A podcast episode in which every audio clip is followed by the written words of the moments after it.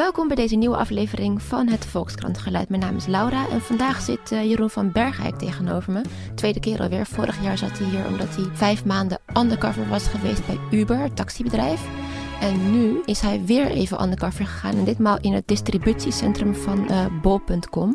Ja, hoe is dat dan bij de grootste webwinkel van Nederland te werken? Zijn er grove misstanden? Of juist helemaal niet? Is misschien is hartstikke saai? Nou, daar ga ik het met hem over hebben. En eerst gaan we even luisteren naar zijn geluid.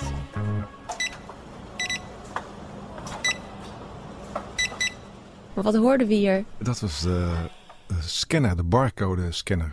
Ah, en daar ben jij knettergek van geworden, denk ik. Ja. ja, dit was nog een bescheiden piepje, maar als je dus iets verkeerd uh, bliept, dan maakt hij nog veel harder geluid. Iets verkeerd bliept? Je krijgt een product op je scanner te zien. En dat moet je uit de schappen halen. Maar als je nou het verkeerde product scant, dan begint hij hard te bliepen. Oh, dan, dan hoort iedereen dat ook, dat jij iets verkeerd gedaan hebt. Ja. Ach, vervelend. Nou, even in het kort. Ja, een jaar geleden of zo zaten we ongeveer ook al hier, denk ik. Toen was je vijf maanden aan de cover bij Uber. En nu een jaartje later ben je even undercover gegaan bij uh, bol.com in het distributiecentrum. Ja. ja, ik zou bijna willen vragen, wat bezielt je? Nou, ik vind het leuk om uh, als journalist is eigenlijk een soort van excuus om uh, een tijdje in een andere wereld te kijken. Dus dat vind ik dan heel erg leuk. Van, uh, dan kan eventjes zomaar ergens gaan kijken en dan ook weer weg. Dat is natuurlijk wel wat er altijd bij komt kijken. Dat ik ook altijd weer weg mag. Ja. In dit specifieke geval ehm, had ik, nou, ik had een hoop verhalen gelezen in de, in de Amerikaanse en Britse pers over de distributiecentra van Amazon. En daar gaat het er soms niet al te goed aan toe.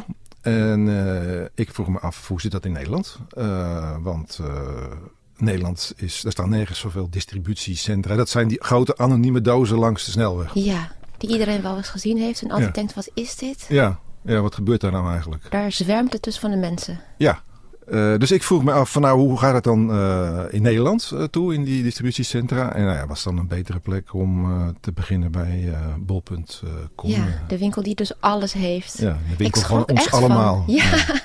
Nou, dat heb je wel gemerkt. Je schreef ook dat er iets van 33 miljoen vierkante kilometer distributiecentra in Nederland... Ja, dat is een gigantische hoeveelheid vierkante meter. Ja, ja. sorry, vierkante meter, dat is nog steeds krankzinnig veel. En dat blijft ook maar groeien. Vooral in Brabant en uh, Limburg uh, zijn uh, de, de, de, regio's waar, waar vooral die dingen staan. omdat ze dan makkelijk naar Duitsland en België kunnen. En ja, Nederland is daar heel... is een groeimarkt. Ja. En daar zijn we allemaal heel trots op. En ja, ik vroeg me dan af, ja, oké, okay, die mensen die daar dan werken, wat, hoe ziet dat werk eruit? Ja, dus toen ben je op een soort chalet gaan wonen. Ergens in de ja, Waar was het? Langs de A59? Nou, dus de, dat is de Droomgaard. Dus uh, de vakantiepark De Droomgaard. recht tegenover de Efteling. En daar... Uh, uh, dat is een beetje een, ja, een, beetje een rundown vakantiepark. en daar wonen heel veel arbeidsmigranten. Een heel deel van dat park is, is verhuurd aan arbeidsmigranten. Dan moet je je voorstellen dat je daar in een uh, staakerven woont met z'n vieren. En iedereen betaalt 100 euro per kamer per week.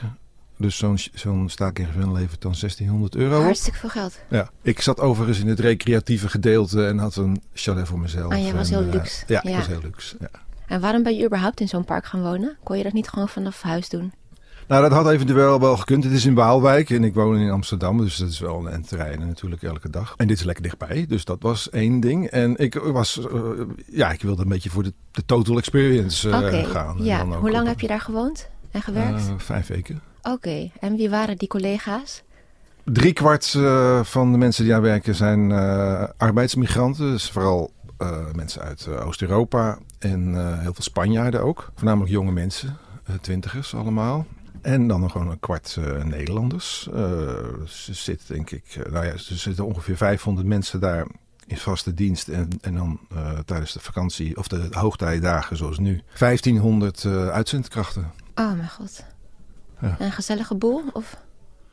Uh, nou, het is, nou, echt gezellig is het niet. Uh, maar het is ook niet zo verschrikkelijk. Uh, nou, tijdens de, wat ik altijd heel grappig vond, is dat je in de kantine, dan zit iedereen, er zitten Nederlanders bij elkaar, en de Polen bij elkaar en de Spanjaarden bij elkaar. En als je daar dan een beetje tussendoor gaat, dan krijg je altijd rare blikken. Wat je hoort bij je hoort, moet bij je groep blijven. Oh, jij klopte dan niet? Ja. Omdat ja. jij een beetje ging mengen om de, ja. de sfeer te proeven? Ja, precies. Oké, okay, en bij welke groep ging dat het makkelijkst? Uh, nou, uiteraard bij de Nederlanders, maar Spanjaarden. En Polen vond ik wel lastig om daar, uh, om daar een beetje doorheen te komen. Het is een gesloten gemeenschap binnen Bob. Nou ja, heel veel Polen die spreken ook heel slecht Engels. Dus uh, dat is natuurlijk een beetje lastig communiceren dan. Ja. En je schreef met de nodige zelfspot ook wel dat jouw ratio uh, ongeveer de laagste was. En dat, dat staat dan ook op borden? Ja, nou, dus, Hoe, dus ik heb op twee, je? delen, twee afdelingen gewerkt van het distributiecentrum. Op de afdeling retouren, waar alle pakjes terugkomen. 10.000 pakjes per dag. Uh, en de meest bizarre verhalen. Ja. Wat is het raarste dat je daar uh, uitgepakt hebt, zeg maar? Nou, ik heb wel een hoop rare verhalen uh, gehoord. De eerste dag ja, vertelde iemand dat hij een dildo terugkreeg. en die wees aan op zijn arm, bij, zo, bij zijn elleboog. Dus zo groot. Dus zo ongeveer zo groot als een onderarm. Het is geen kinderarm meer. Ja, maar, Met de poepen nog aan. Uh, ja, en uh, ja, dus er komen best wel heel veel smerige dingen. Wat ik zelf heb gezien is, ja, dus je kan, als je iets bij bol.com bestelt, dan kan je dus binnen 30 dagen je dingen terugsturen. En dan, dus ook gebruikte dildo's? Uh, ja, ja. En dus nou ja, een stofzuiger bijvoorbeeld, met, die helemaal vol zit. En waar dan zit zo'n briefje bij altijd waar je hem terugstuurt. Ja, de kleur bevalt niet. Ja, het is toch een beetje raar dat als je de kleur niet mooi vindt, dat je hem dan wel helemaal vol met bouwafval stopt. Of schuurmachines die gebruikt zijn. Of, nou ja, dus de, de, de, heel mensen misbruiken die. Uh, die ja, je hebt je volgens mij nog meer verbaasd over het wangedrag van de Nederlandse consument dan over je werkgever bijna, of niet? Uh, nou, dat ging een beetje gelijk op. Ja. dus je bent nu helemaal gedesillusioneerd over alles en iedereen. Nou, nee, maar kijk, je krijgt natuurlijk een beetje specifiek. Uh, want ik sta op de afdeling retouren, dus dan krijg je die pakjes terug en je moet het controleren. Dus ja, het is niet een representatief beeld van wat je. Je krijgt een specifiek deel te zien. Het is wel de en, winkel van Nederland. Ja, ik, ik, ik, verbaasde me erover dat je zo. Uh, dat, je, dat mensen daar zoveel misbruik van maken. Ja. ja. Ja, toevallig was er ook bij de NOS, die hadden ook een filmpje gemaakt ja. over volgens mij Zalando en Weekamp of zoiets, ook zo'n distributiecentrum. En die vertelden ook dat ze daar moesten ruiken aan de spullen om te kijken of het nog wat terug kon. Ja. Heb je dat ook moeten doen? Nou ja, dus ruiken is altijd goed aan een koffiezetapparaat bijvoorbeeld. Want dan ruik je meteen of er koffie Oh. meegezet is. En dan is één keertje koffie. Dus, dus zo'n ding komt terug, zo'n koffiezetapparaat. Ja. Mensen zeggen van, nou ja, past niet helemaal in het interieur of zo. En dan uh, sturen ze hem terug. En dan moet jij uh, bepalen of dat ding weer verkocht kan worden. Nou, als er een keertje koffie mee is gezet, dan kan die dus niet als nieuw verkocht worden. Dus dan moet hij naar de opkoper. Uh, dus dan wordt hij afgeschreven. De snelste manier om bij een koffiezetapparaat dat te doen is om er even aan te ruiken. En dan ruik je dat de koffie ja, mee dat is is gezet. nog niet zo heel vervelend misschien om wat koffie Nee. te ruiken. Wat doet zo'n opkoper eigenlijk? Of waar belandt dat dan weer? Bol.com die verkoopt niet alleen zijn eigen spullen, maar is ook een platform voor andere verkopers. Uh, dus je kan tweedehands spullen ook bij via bol.com kopen. Dus nou dat bijvoorbeeld. Uh, dus als het de tweedehands is, dan Komt is het het... toch weer via de achterdeur terug? Ja, op. ja, ja. Of mensen die via marktplaats verkopen. Of uh, in ieder geval, er zijn hele gespecialiseerde bedrijven die al die handel opkopen en het weer, weer doorverkopen. Vond het zo'n raar beeld. Je beschrijft ook ergens dat er zo'n soort kleurenhiërarchie is. Dat uh, elke rang weer een nieuwe kleur heeft. Een soort, ik vond dat heel Ja, dus, futuristisch dus, en eh, ouderwets tegelijk. De gewone huistuin- en keukenwerknemer die moet een zwart t-shirt uh, dragen. En dat was jij? Ja. Oké. Ja. Hoe heet jij eigenlijk daar? Of wat, wat is je... Je bent gewoon distributiemedewerker? Of... Magazijnmedewerker, Magazijn oh, het ja. geloof, officieel geloof ik. En dan het baasje daarboven heeft een uh, groene trui. En die werd een groentje genoemd, wat ik heel erg grappig vond. Uh, maar, uh, het zijn niet allemaal van die dikke blauwe mannetjes die. Nee, de... nee. Daar trouwens, maar dus, dus het, hele distributiecentrum wordt gerund door een bedrijf dat heet Ingram Micro. Dus dat, dus bol.com uh, regelt dat zelf niet. Maar er loopt wel eens iemand van bol.com rond en die heeft dan een blauwe trui aan. Wel, ja, ja dat is echt waar. Ja. Ook dat, die kleur blauw. Die ja, uit... ja, ja, oh die, ja? die bol.com blauw. Wat zielig, die moeten dan allemaal zo'n ding aan. Ja. En dan daarboven is een rode trui. En dan daarboven was geloof ik een Bordeaux-rode trui. Maar ik ben het nu even kwijt. Ja, ja. En zo, zo kan je dus meteen zien uh, hoe hoog iemand in de hiërarchie raar. gaat. Ja, het is, ik, ik vond het heel raar. Maar van de andere kant, heel veel mensen spreken geen Nederlands. Dus dan stonden er borden bijvoorbeeld problem, vraagteken. En dan een afbeelding van een groene trui. Dus je dan, als je een probleem hebt, dan moet je bij de groene trui zijn. Zo'n soort kleuterschool uh, icoontjes.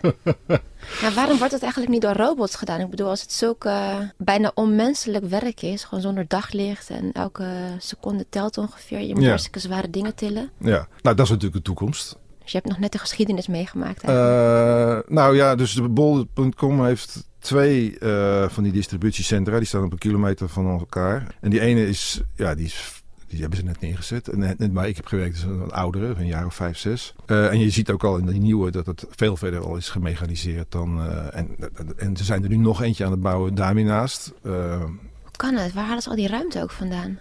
Nou ja, er staan, liggen daar nog een hoop weilanden braak. dus kunnen we wel even door. Oké. En daar is nog weer, daar zijn de plannen nog weer verder dat, uh, dat ze dat pikken. Want je, je bent dus, je loopt 25 kilometer per dag door die schappen, die spullen uit de schappen te halen. En dan willen ze iets gaan bedenken dat eigenlijk niet de mensen naar de, naar de producten komen, maar de, dus de producten en de schappen naar de mensen. Een soort lopende band waar je dan dingen van ja. plukken of zoiets. Ja. Ja. Zou dat het beter maken? Nou, ik vond dat lopen op zich niet zo heel. Uh, dan ben je nog een beetje in beweging en dan doe je nog wat. En dan haal je eigenlijk het enige leuke van die baan haal je eraf. ja, ik weet dat je vorig jaar, toen je dat zeg maar aan Uber begon, toen had je van tevoren nog het idee van, ja, wie weet, misschien is het een goede investering die opleiding. En dan ben ik taxichauffeur. Dan zou ja. je misschien, weet je, als de nood aan de man is, nog een keertje kunnen bijklussen s'avonds. Af en toe een ritje. Heb je dat bij dit ook? Nou, wat wel geruststellend was, is, uh, ik ben 52. Uh, en ik ging daar naar een open dag en ik, ik werd ter plekke aangenomen. Zonder dat er uh, werd gevraagd naar mijn opleiding of mijn motivatie of waarom ik daar heel graag wilde werken. Dus als alles tegen zit, kan je altijd nog uh, aan de slag bij. Ja, dat zei je volgens mij ja. vorige keer ook. Het is ja. een soort vangnet. Van je ja. weet dat het gaat lukken. Je komt nooit. Aan... Nou, vond ik op, op, zich wel een geruststellende gedachte. ook een zeker. beetje merkwaardig dat ze helemaal niks vragen. Dus het interesseert ze blijkbaar ook niet zoveel wie er werkt. Nee. Als ze maar werken. Ja, en... want ze zitten om mensen te springen. En omdat er zoveel van die distributiecentra in uh, Nederland zijn. En Nederlanders willen daar niet werken. Uh, Polen en Spanjaarden wel. Want uh, ja, Spanjaard die verdient ongeveer twee keer zoveel als in Spanje. En een Pool ongeveer drie keer zoveel als in Polen. Dus en die mensen zijn best bij. En het is ongeveer rondom ons minimumloon, toch? Ja, ja. Ja. ja, het is iets boven het minimumloon. Een tientje per uur. Ja. En, maar als uh, het uitzendbureau, want het uitzendbureau heeft jou aangenomen volgens mij. Ja. Als die even gegoogeld had op je naam. Want ik neem aan dat je gewoon onder je eigen naam daar hebt gewerkt. Ja. Dan hadden ze gezien dat je ook, nou ja, wel ja. eens iets vergelijkbaars gedaan hebt. Hoe denk je dat dat hadden ze die dan nog aangenomen? Ja, dat valt natuurlijk nu moeilijk uh, te zeggen. Ik denk niet dat, ik, dat ze ongestoord journalisten daar uh, hun gang laten gaan. Nee, dat denk ik niet. Heb je ze nog gesproken nadien? Uh, ja, ik heb ze vanochtend gesproken. Oké. Okay. Nou, ze waren erachter gekomen. Ze waren dus toen ik had, ons, nadat ik ontslag had genomen, heb ik een paar mensen in vertrouwen genomen. Van, oh, ik ben eigenlijk journalist. En, een paar collega's bedoel je? Ja. ja. Oké. Okay.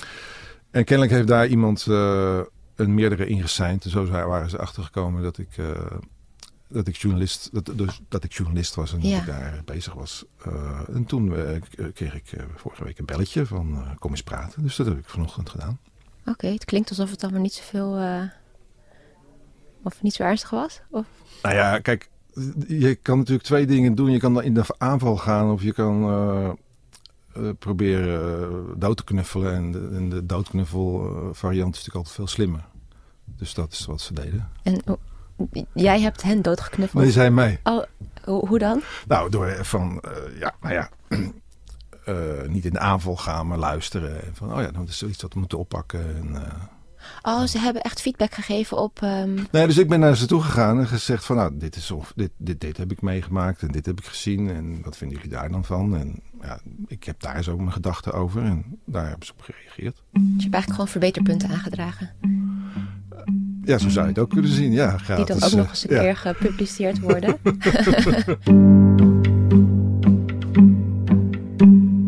je nog even ja, voor het beeld eigenlijk een beetje beschrijven hoe je dag eruit ziet? Hoe je, je, je komt binnen, je moet door zo'n uh, zo'n detectiepoort. Ja, nou, dus uh, naar binnen gaan is, gaat nog wel. Dus je moet, uh, er staan helemaal grote waarschuwingsborden wat je allemaal niet mee naar binnen mag nemen. Ja, waarom bijvoorbeeld condoom stond in je stuk. Waarom mag dat niet? Omdat bol.com condooms verkoopt. Oh, oké. Okay. Maar ze verkopen toch alles? Dus dan mag je toch eigenlijk niks mee naar binnen nemen? Nee, je mag dus ook niks mee naar binnen oh, nemen. Oh, oké, oké. Okay. Uh, omdat ze bang zijn dat je ook weer dingen mee naar buiten neemt. Maar ja, ik, ja dus je niet horloge, maar ook geen, uh, ja, geen kettingje of zo. Of geen uh, niks mag nemen mee naar binnen. Een boterhammenzakje. En dan moet je alles in een kluisje doen. Ook geen mobiele telefoon. Nou, dan loop je naar je werkplek. En oké, je komt binnen en het is alleen maar schappen. En ik verdwaalde gewoon de hele tijd uh, aan het begin. Ja, wat is de orde? Hoe moet, uh, hoe, ja, ik kan me altijd zo moeilijk voorstellen wat, hoeveel vierkante meter, hoe dat eruit ziet. Nou, het is 50.000 vierkante meter. ja, dat zegt me dus helemaal niks. Ja, dat zijn dan dus acht uh, of zo voetbalvelden. En dan vol met stellingkasten of zoiets. Ja. ja, dat geloof ik direct. en dan niet gewoon En dan in sommige, dus die, die, die, dat, dat magazijn is opgedeeld in verschillende hallen, die wel allemaal elkaar zitten. En daar, in sommige hallen zitten dan ook nog verdiepingen. Dus dan maken ze de vloeroppervlak nog groter. En die verdiepingen zijn ongeveer zo hoog als dit. Uh, ja, zoiets. Kleine hokje. Ja, een klein hokje. Waar je het plafond zou kunnen aanraken. En dan als als je dan zo'n, dus dat zijn eindeloze gangen. En dan kom je zo'n gang binnen en dan vloepen al die uh, teelbalken aan. Oh, echt? Uh, en daar kreeg ik echt verschrikkelijke koppijn van. Want elke keer als je zo'n gang binnenloopt, dan duurt het natuurlijk even voordat die TL-balken... en die gaan zo allemaal voor stuk Een soort stuk kelderbox eigenlijk, Ja, maar dan heel ja, ja, groot. Ja, en dan loop je dus... Ja, je loopt dus voortdurend... En die hebben allemaal, uh, die hebben dus allemaal een nummer. Dus, dus, nou, dus je krijgt dan op je scanner te zien, je moet in rij... Dus je moet op, in die hal zijn. En dan op de derde verdieping... En dan op de 65ste rij van de 100. En dan rij je die rij in. En dan is het van A tot met Z. Uh, dus dan moet je bij, stel dat je bij Q moet zijn. Uh, en dan sta je dus voor de kast Q. En dan is het de tweede plank van boven. En dan is het de derde uh, schap van links. En daar ligt dan. Nou, noem maar wat. Noem maar wat. Alles. ja, dus nou, pak je condooms. Of weet ik veel. Een, Een airfryer. Of alles ligt door elkaar heen. Geen dat, systeem? Nou, er zit wel een systeem in, maar voor gewone mensen is dat Jij hebt het na vijf weken nog niet ontrafeld? ondoorgrondelijk. Oké. Okay. Kijk, als je alle condooms bij, bij de condooms legt, en, uh, dan, dan kunnen er opstoppingen ontstaan. Als huh? op, nou, hoe het mensen uitgelegd is, dus als je alle producten bij, dus de, de log, op een soort van logische dingen erin maakt, dan komen er opeens, dus iemand wil, uh, wil er worden opeens tien airfryers besteld. Dan, dan kom, oh, komt iedereen ja. daar naar die airfryers en dan, dan krijg je opstoppingen. Krijg je die, Ah. En dus als, het, nou, als je het nou uh, random over dat warehouse ver, verspreidt. Ja hoor, wat dan, raar. Ja. Daar zal wel over nagedacht Ja, zijn. daar zit, daar zit het hele algoritmes. En dat is dus ook al die producten een soort van ideale looproute worden gemaakt. Dus je krijgt zo'n, eh, je, je krijgt een, een boodschappenmandje en daar moet je dan, eh, zeg maar zeggen, twintig uh, producten uit die schappen En die halen. heb je gewoon naar je elleboog. Ja, dus de En, rijen eh, mee door, oh ja. door de. Dus uh, ja, en er zijn nog honderden van die mensen die met die En je hebt niet door- dan één eigen gangpad of zoiets. Nee, dus je gaat al die gangen alsmaar door. Wat gestoord. Het is een soort mierenhoop van mensen die dus. hè, Je hebt dus al die verschillende verdiepingen boven elkaar. En dan al die, die, eh, die stellingkasten. eh, alles lijkt op elkaar. En dan. Eh, maar het is allemaal wel netjes eh, logisch geordend. En dan krijg je dus op die, op die scanner, van dat geluid wat we aan het begin hoorden, op die scanner krijg je te zien naar welke locatie je moet. Nou, en dan ga je daar naartoe en dan pak je je, je staafmixer en die stop je in je mandje. En dan krijg je op je scanner de volgende locatie. En dat kan weer heel ergens anders zijn. Dus je loopt dwars door. Oh, en daarom ben je 25 kilometer Ja. per dag aan het lopen. En dan kom je ook steeds dezelfde mensen tegen. Of... Ja, ja nee, dus je komt elkaar wel tegen. Ja. En dan kan je even een praatje maken. Maar goed, dat is natuurlijk slecht voor je, voor je, Voor je ra- ratio. Voor je ratio. ja, En, eh, deed dat ja. nog iets met je? Want bij Uber beschreef je dat het toch wel dat je wel best wel competitief werd. Of wel heel erg de scoringsdrang of bijna verslaving voelde om naar het piepje te luisteren. En Ja, hier, ik kreeg hier eerlijk gezegd een beetje de eh, tegenovergestelde eh, neiging. Omdat ik, want er liggen dus ook heel veel boeken. hè. Dus ik, en dus ik heb wel van, hé, hey, eh, nou ja, doe ik toch Leuk. eventjes die eh, biografie van eh, Michelle Oh, Obama. toch, toch even een stukje lezen. Ja. Maar goed, dat is natuurlijk dat is niet helemaal de bedoeling. Dus ik kreeg eerder de neiging om, om de, de grenzen op te zoeken. Maar ehm, dat is wel het. Nou ja, het is natuurlijk wel confronterend. Want er hangen dus elke dag van die lijsten van je prestaties van de vorige dag. Dat is voor iedereen zichtbaar. Ja, dan stond ik natuurlijk altijd helemaal onderaan. En Eh, wat, doen, moeten mensen dan ook een beetje lachen of zoiets? Of, of zeggen ze, ach, die arme Jeroen? Nou, nee, want eh, ja, dat, dus, het is niet zo dat iedereen nou staat te kijken van wie nou. eh, dus ik keek er natuurlijk al wel, want mensen keken er wel naar, maar er was niet een soort van sfeer van, oh, jij bent een loser. Dat, dat was helemaal Nee, niet het geval. Maar, misschien maar, maar vooral dus Oost-Europese eh, mensen die, ze, ze lopen gewoon twee keer zo hard als, als, eh, als ik. Eh, echt waar. Ze echt, echt zo'n snelwandelaar tempo. En die hadden wel onderling een soort van wie is wie het snelste of zo. Dus dat, dat was wel. Maar Maar, je gaat er niet meer door verdienen. Nee. Ja, Nee. dat- Waarom doe je dat dan? Ja, dat Ja. zou ik eigenlijk willen vragen. Ja. Ja. Ik durfde Nou, dat- het niet. Nee, dat vroeg ik me dus ook af. Dat vroeg ik ook aan als mensen. Waarom lopen eh, jullie zo snel? Of aan andere mensen, waarom lopen die Polen zo snel? Ja, ze zijn bang om hun baan te verliezen.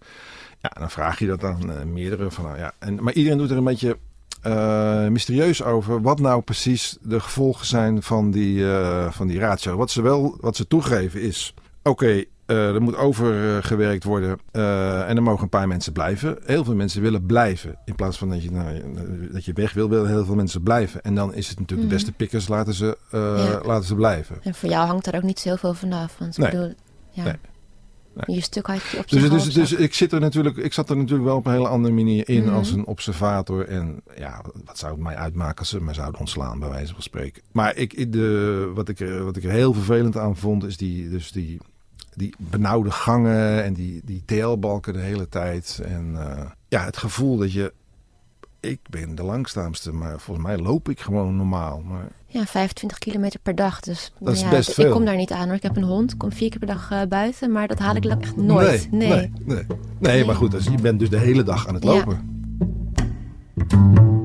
Maar uiteindelijk was je er wel helemaal klaar mee ook. Ik was er wel helemaal klaar mee. Ik werd er gewoon hartstikke depressief van. Je ziet bijvoorbeeld geen daglicht. Je bent de hele dag in zo'n hal zonder ramen. Nou, dat trok ik echt heel slecht. Dus de vrouwen zetten ze op de, op de makkelijke items. Eh, dus de, hè, dus de, de eyeliner en de, de, de kleine dingetjes, de boeken en de, en de condooms. Ehm, en de mannen die moeten de zware dingen tillen. Ja, dat zijn allemaal jongens van begin twintig. Dus die, ja, die, die hebben daar niet zoveel problemen mee. Maar ik kreeg last van mijn rug. En Hmm. Ja, daar werd ook niet echt heel positief op gereageerd. Vind je familie dat wel leuk? Dat je weer eens eventjes een paar weken of maanden onder bent gedoken? Eh, ja, nou, die hebben daar niet zoveel eh, problemen mee. Vijf weken is ook wel te Dat is te overzien. overzien. Ja. Oh, oké. Mijn zoon had het huis alleen, dus die vond het eigenlijk wel prima volgens Oh. mij. Die popelt om weer een nieuw undercover project van zijn Pap, papa. wanneer ga je weer? Ja. En heb je alweer een nieuw eh, project in de smiezen? Iets met buitenlucht? of zo? ik heb nog even niks, eh, geen plannen. Nee. Nee, het begint geen obsessie te worden. Ik denk, die heeft nu alweer waarschijnlijk iets nieuws. eh. Eh, nee, nee. En er zit ook denk ik een grens aan dat je, wat je daarmee kan doen.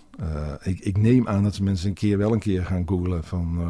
ja, op een gegeven moment word je natuurlijk een beetje de Johannes van Dam van ja, ja, daar moet ik de voor baantjes. Ja, daar moet ik voor waken, ja. Ja, dus even een jaartje rust. Zal Ja. misschien je familie ook wel leuk vinden dat je niet meer op een, eh, wat was het, droomhof woont? De Droomgaard. De droomgaard. Dat is ook een geweldige naam. Ja.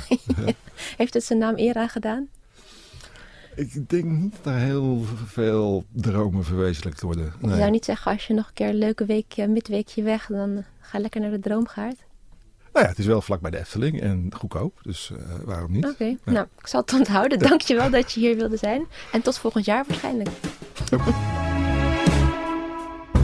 Dankjewel voor het luisteren naar het Volkskrantgeluid. Vergeet niet je te abonneren. Dat kan via alle soorten podcast-apps, bijvoorbeeld Spotify, Soundcloud, iTunes, etc. Tot de volgende keer.